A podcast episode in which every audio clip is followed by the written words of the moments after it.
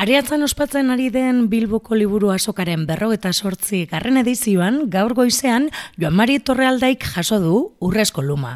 Jose Mari Sors laguna izan da aurkezpenean, eta ez egin zaio minutu pare batean haren lana laburbiltzea. Idazlea, ikerlaria, kazetaria, soziologoa, Euskararen eta Euskal Kulturaren alde egin duen lana goretzi dute.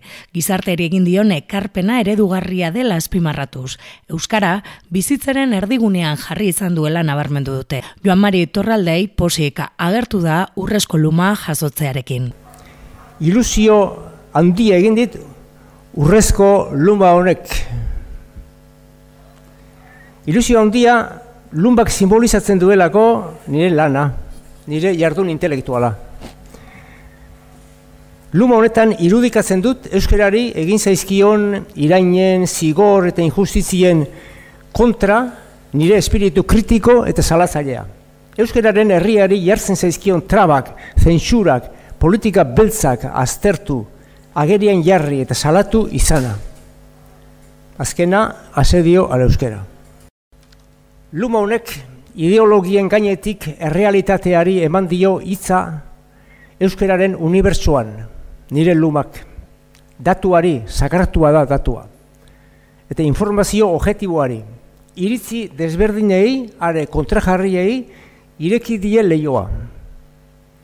Luma honek erakutsi du euskararen herria, bere txikian errealitate osoa dela, unibertsoa. Euskal kultura, aberatsa, aniza eta askotarikoa dela. Nire lan kultural eta soziolinguistikoa eskertu nahi du. Eskerrik asko. Jakin aldizkarian egindako lana ere azpimarratu du Jose Mari Sors. Eta mila bederatzireun da irurogeta mazeiteik urtero liburu produkzioan egindako ikerketa ere azpimarratu du Jose Mari Sors. Euskal Zendiaren sarrera dela medio, edo saria eta aipamen bereziak izan dela medio, niken egin ezaken baino hobeto adieraziak izan dira bere lanak, ikarpenak eta balioak. Idazle, ikerlari eta kasetari, baita soziologoa, euskal kultur eragilea eta irakaslea ere. Ofizioa eta afizioa ustartu dituena. Beti euskal kulturaren eta batez ere euskeraren alde. Hemen aipatu nitzaken bere lan hildoak irakasle, idazle edo kasetari moduan. Aipan nitzake bere lanak asko izan direnak. Aipan nitzake bere berak jasotako omenaldi eta sariak. Aipamen luzea eta oparoa, benetan antziezina. Baina nik hitz hauen bitartez aipatu nahi dudana bere profil humanoa eta adizkidearena da. Nire lan profesionala euskal kulturari lotua izan da, eta hor ezagutu nuen Juan jakin aldizkariaren zuzendari bezala. Esanek ezake jakin eta Juan Mari gorputz bakarra osatzen dutela, euskara helburu bezala hartuaz. Aziratikan partekatu genituen berarekin helburu berdinak. Euskera bizitzaren erdigunean jartzeko. Helburu hori lortzeko hainbat proiektuekin amestu genuen. Euskal Enziklopedia bat, Liburutegi Nazional bat, Transmisio Kulturaren beharra, Euskal Egunkari bat, Beatoki Kultural bat. Proiektu batzuk martxan jarri ziren, beste batzuk martxa, naiz eta martxan jarri zapustu zituzten. Beste batzuk zain segitzen dute, esperoan egun batez errealidade bihurtu direlakoan. Zein errasadan proiektu hoe Joamarirekin partekatzea. Berak ematen duen ilusioa, jakinduria eta segurtasunaregatik. Bere lan isila eta nekaezina. Bere ezaugarri handienetakoa langilea izatea da. Euskal kulturaren langilea eta aldi berean elkarlanerako prest. langilea eta lankidea. Gaur egun, hain modu, modan dagoen izbat erabili, erabiliaz lider bat.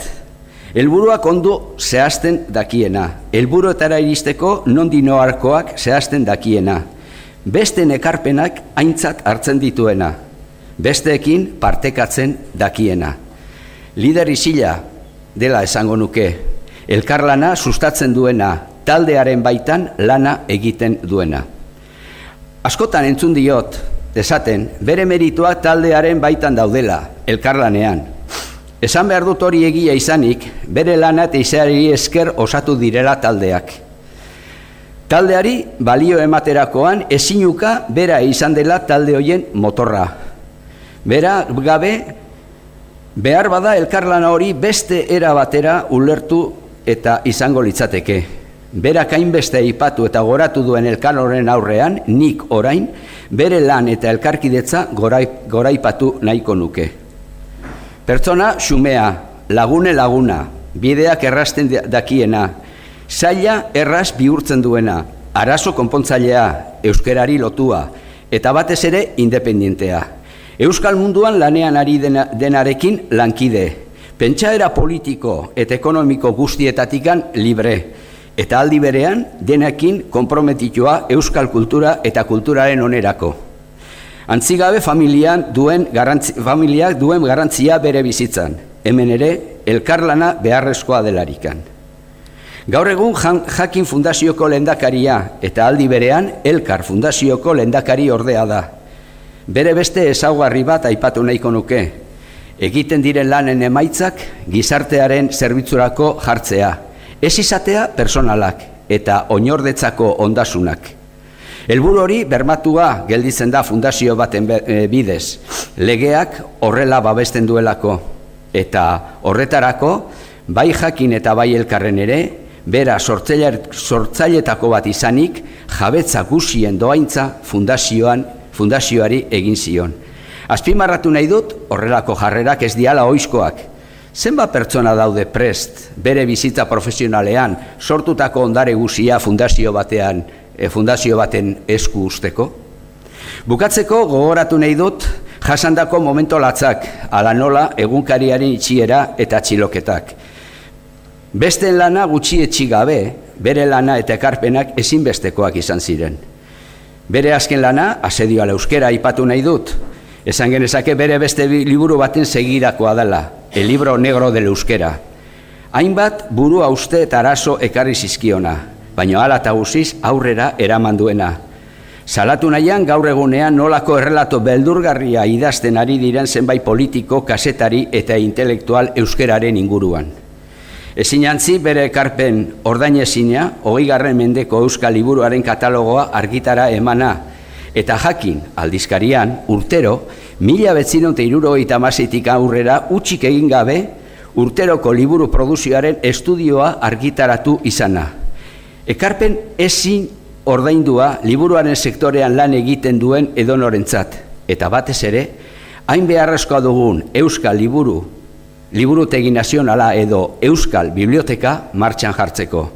Beraz, ondo merezia duzu urrezko luma sari hau, zorionak. Eta nire aldetik zer esan joan mari, ohore bat izan dela gaur zu aurkestea, baina batez ere zure laguntza izana urte askotan. Zure kemena eta laguntzaregatikan mila esker joan mari. Ohore bat da niretzako zurekin eta ezin, ezin antzi dudan zure familiakin elkarlanean aritzea. Ezan bezala, Joan Mari Torraldaik ilusio handiz jaso du urrezko luma bere jardun intelektuala nabarmentzuen duelako.